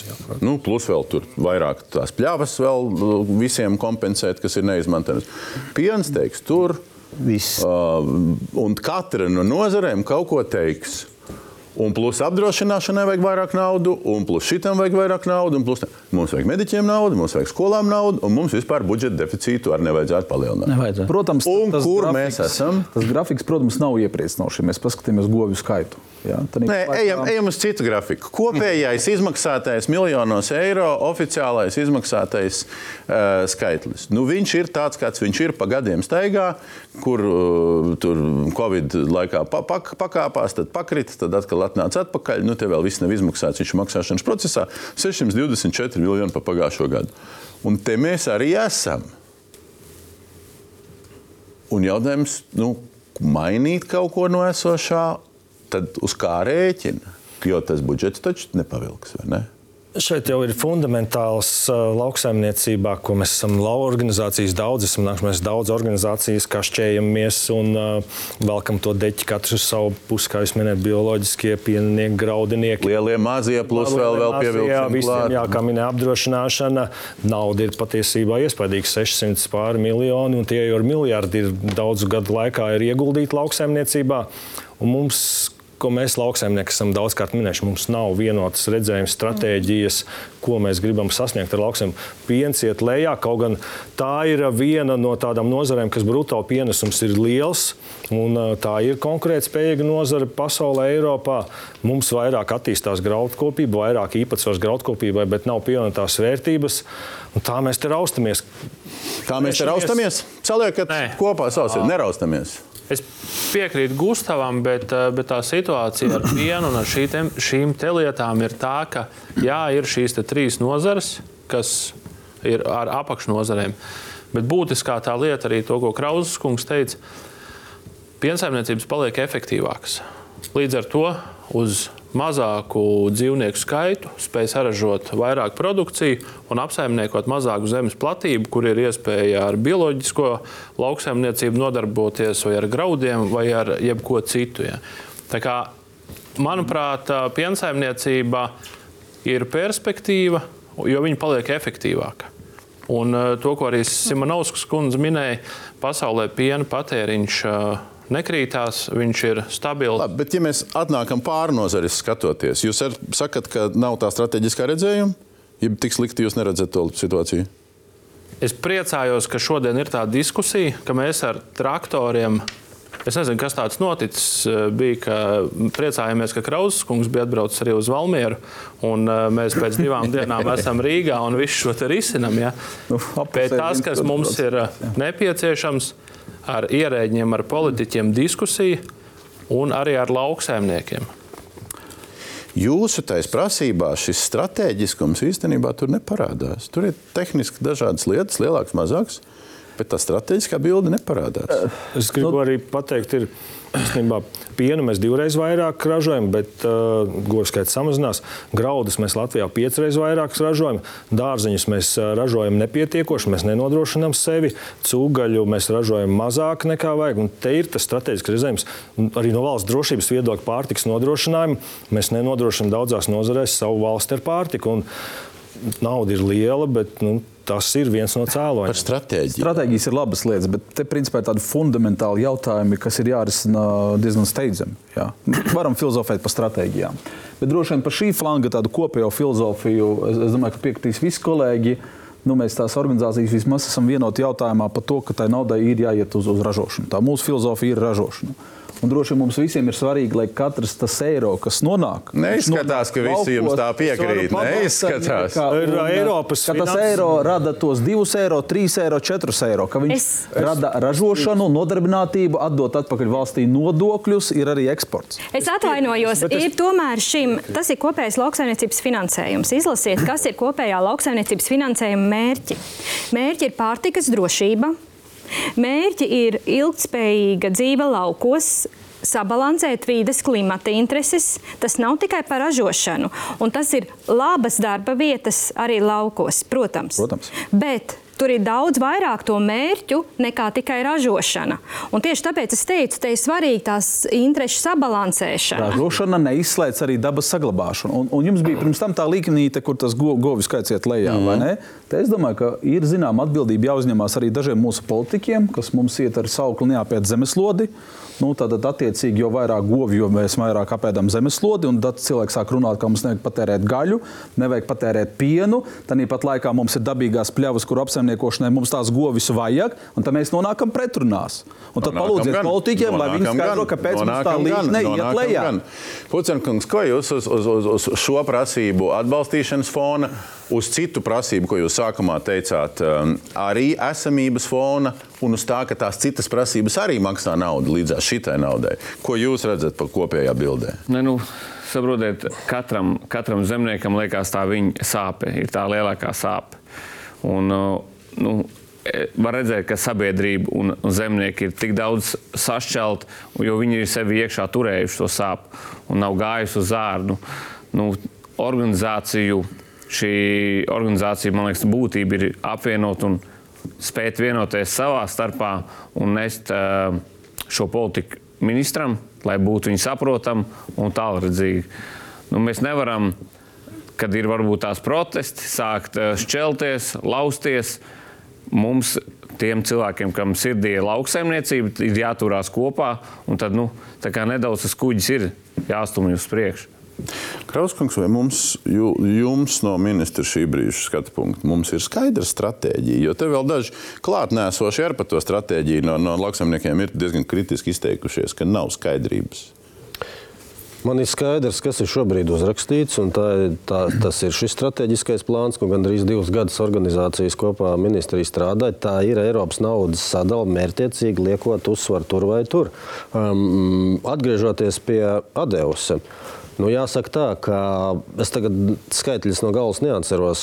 Ieliekot vienu eiro atbalstā, kuras nozars ir tas, kas visvairāk dod atpakaļ.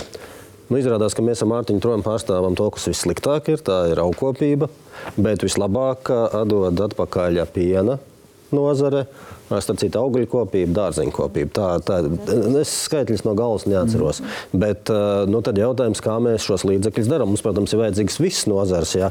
Tāpēc, nu, tas, tas veidojot to strateģisko plānu, tur arī tika plānots finansējums, dalīts pa pasākumiem. Jā, viņš tāds ir. Un, un viņš, nu, viņš ir, nacionāli bet, varam kaut ko koriģēt. Jā, bet, bet tas viss tiek darīts tajā brīdī, kad tiek gatavots, kā Eiropas nauda nākošos nu, septiņus, šoreiz ir piecus gadus, kā viņi tiks sadalīti. Un tas ir milzīgs instruments katru gadu 600 miljonus sadalot, mēs arī varam pavirzīt vienā vai otrā virzienā. Tas sliktākais tas, ka vienreiz tas ir izdarīts, tad principā mums arī ir jāturpina šo plānu e, ieviest, jo nu, e, jūs ļoti labi ziniet, pagājušajā gadā mēs gribējām e, zemkopības ministriju, citu ministru vadībā gribēja grozīt no ļoti daudzām prasībām atļaut Eiropas komisiju trīs. Un tas, starp citu, ir tas pozitīvais, ko es saku, tagad ir visur Eiropā šie protesti bijuši. Es ceru, ka Eiropas komisija būs daudz pretimnākošāka un mēs to plānu varēsim grozīt vairāk. Nu. Bet pesticīdiem tagad esot bijis pretim nākošāk, ja? jaunākās uzvaras lainas. Līdz laikam. Taktisks gājiens. Jā. Bet es gribēju Jā. par to ko Krauskungs minēja par uh, strateģisko plānu. Tas ir uh, Eiropas finansējuma strateģiskais plāns. Viņš tapa, mums tapa bez Latvijas plāna. Mums nav nacionālais pa nozarēm, ko mēs gribam ilgtermiņā sasniegt. Un tas plāns tapa lauksaimnieku organizāciju idejas saliktas kopā, ko Eiropa atļauj. Tad viņš tāds čiks vien sanāca beigās. Tāpēc mēs arī protestējam. Mēs tajā visā plānā piedalījāmies. Daudz neiedzības ir un tagad paši bļaujam. Krauze vainīgs, kaut gan viņš tur nav piedalījies. Un, uh, ir vajadzīgs Lat Latvijas nacionālais plāns par uh, lauksaimniecību, pārtiks. Es pat neteiktu tikai lauksaimniecību, bet pārtiks arī ražošanas, pārtiks nodrošinājums, iet tālāk. Mm, tas, tas ir tas fundaments. Tad nāk jebkurš ministrs, bet mums ir nacionālais plāns, un tad mēs veidojam arī Eiropas plānu stratēģiju. Bet šāds bet, nacionālais plāns Siliņas valdības deklarācijā nav manāms. Ne? Bet, bet par plāniem es runāju. Nu, tāda plāna, ja, ja viņi arī kādu tiek gatavots, tad viņš arī jārealizē, nevis jānoliek plauktā. Tas ir numur viens.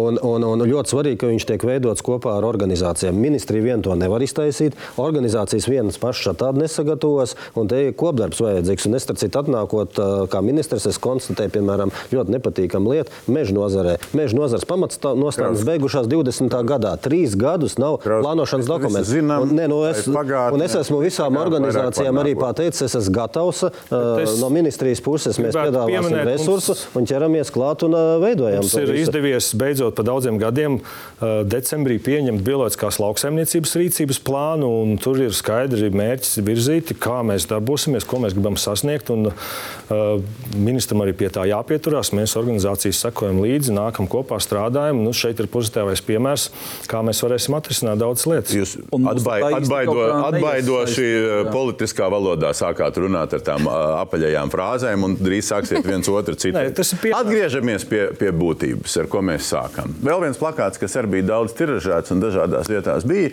Un es domāju, ka šī vakara diskusijā mēs drusku esam tos vārdus dzirdējuši. Varbūt visus nē, Krauskungs, ne tikai no jums, ne tikai no jums, kas ļoti svarīgi. Ja? Bet ka mēs tur domāsim un spriedīsim un diskutēsim un sēdīsimies pie galda un, un tiksimies un kopā visu izdarīsim. Un tad mēs esam apakaļ situācijā, trešdienas vakars, pirmdiena bija, nākamā pirmdiena ir priekšā. Uh, tagad ir tas jautājums, kas ir rezultāts. Nu, protams, situācijā, kad nu, rezultāts ir kompromiss. Rezultāts ir uh, nu, kaut kādi zelta vidusceļi, ja viņi ir iespējami. Um, nu, sākot kaut kādā pretējā versijā, uh, kas šobrīd būtu primārais valsts interesēs, ne tikai lauksaimnieku interesēs, bet valsts interesēs. Um, primārais, uh, labākais rezultāts, kas no vienas puses būtu ātri jāizdara, Un otrs puses nebūtu varbūt ātri eh, vai mm, ar protestiem vai bez, eh, ka, kur nebūtu nu, savārīt ziepes. Iziet no tā visu, ko mēs esam dzirdējuši vai neesam dzirdējuši. Ka jūs šo rezumējam tagad. Hmm. Ja jums jādomā, uh, Miezīškungs, kā jūs redzat, jo jūs par nodokļiem arī dzirdējāt, kādas ir atbildes. Ja? Kas šobrīd, uh, domājot par uh, lauksaimnieku, nu, sakacināto vidi vienalga, vai viņa ir uz ceļiem ar, ar traktoriem vai nē, un domājot par to, ko dara vai nedara valdība. Kas ir tas Trešo valstu, ceļš? trešo valstu galā. mums. Pirmkārt, trešo valstu policijas viens, bet es domāju, ka ātri jādod tas, kas tad notiksies ar tiem nodokļiem. Jo ātrāk, jo labāk. Nevis tā slēpt tos visas. Ja, ja, ja tas kaut kas notiksies, tad dodiet, lai zemnieki sagatavojās, lai zinātu, kas, kas būs. Jo viņiem arī jāstrādā. Mums nav tā, ka naudu kāds iedos jums vai budžetā ieskaitīs. Mums neieskaitīs. Mūsu budžets ir vienkārši, ja mēs saražosim, mums samaksās par to produkciju, protams, zemāk cena nekā, nekā viņu, viņu mēs saražojam. Un tad vēl samazinās mūsu produkcijas cena. Ja mums maksātu par produkciju normālu cenu, tā kā bija piena cena normāla, mēs vispār te ne, ne, nerunātu. Bet, ja mēs zināsim, kas būs priekšā gaida, varbūt kādam jālikvidējas nost, varbūt kādam saproties, var kaut ko izdarīt, vēl izmainīt kaut ko. Lai, jāzina, saproties. Ja jūs atnāksiet pēc pusgada un teiksiet, o, oh, būs tā, tad viss tad jau. Tas tad, ir jāzina, jāzina uh, līdz vasarai vai līdz pirmdienai. Jūs Nē. skatoties uz- no Es- malas, ir es- kaut kas, kas primāri Es jāatrisina domāju, tas jā, līdz, līdz vasarai, protams. līdz vasarai. Bet līdz pirmdienai jūs neredzat kaut ko kardinālu, kas būtu jārisina. Kardināli neko neizvirsinās līdz pirmdienai. Nu, principā mēs redzam, ka tiešo maksājumu tā reālā izmaksa ļoti bieži atšķirās tas, kas ir vienmēr bijis plānots. Mēs varam paskatīties tajā pašā mājaslapā, nu tie maksājumi vienmēr ir zemāki. Nu, kaut vai šis pats nesenais atbalsts lo- lopkopībai.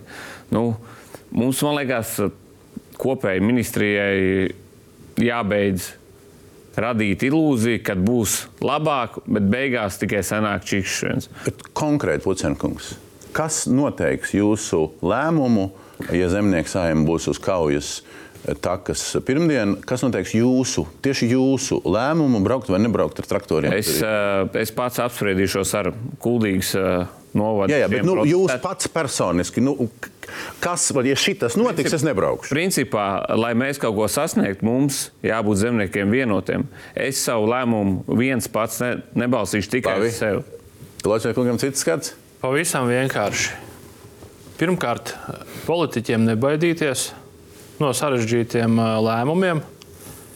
Un ā, divi punkti. Tas, kas ir jāizdara tagad, tūlīt. Pirmais ir aizliegt importu Latvijas teritorijā. Valstisks lēmums politiķiem pieņemams tūlīt bez jebkādas vilcināšanas. Un otrs? Otrs ir satiksmes ministrijai pa kārtām palielināt infrastruktūras izmantošanas maksu dzelzceļam, kas nodrošina tranzītu.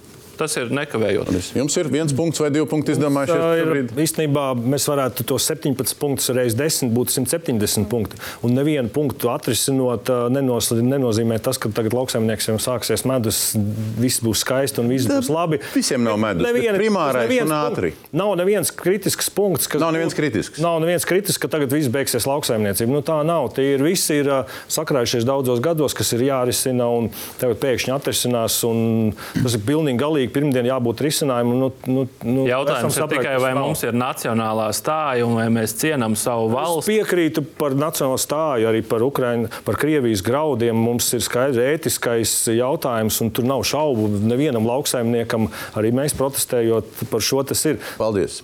Tronkungs, viens vai divi punkti. Kas ir galvenie kritiskie? Uh, Jo šodien zemnieks saimnieks vienkārši saka, nu, piekdien lemsim. Bet kas tad ir kritiskie punkti? Trešo valstu graudu, lobarības produktu importu jautājums. Nu, Sasaukt saimnes ārkārtas sēdi, uh, otru piekdienu no rīta divas un pieņemt mērķa ātrumā. Nē, mēs gaidām vismaz zemkopības ministrijas ā, sarunu par noteikumu projektu, lai pirmdienu koalīcija iespējams jau to jautājumu varētu virzīt. Labi, viena lieta. Otra lieta ir birokrātija.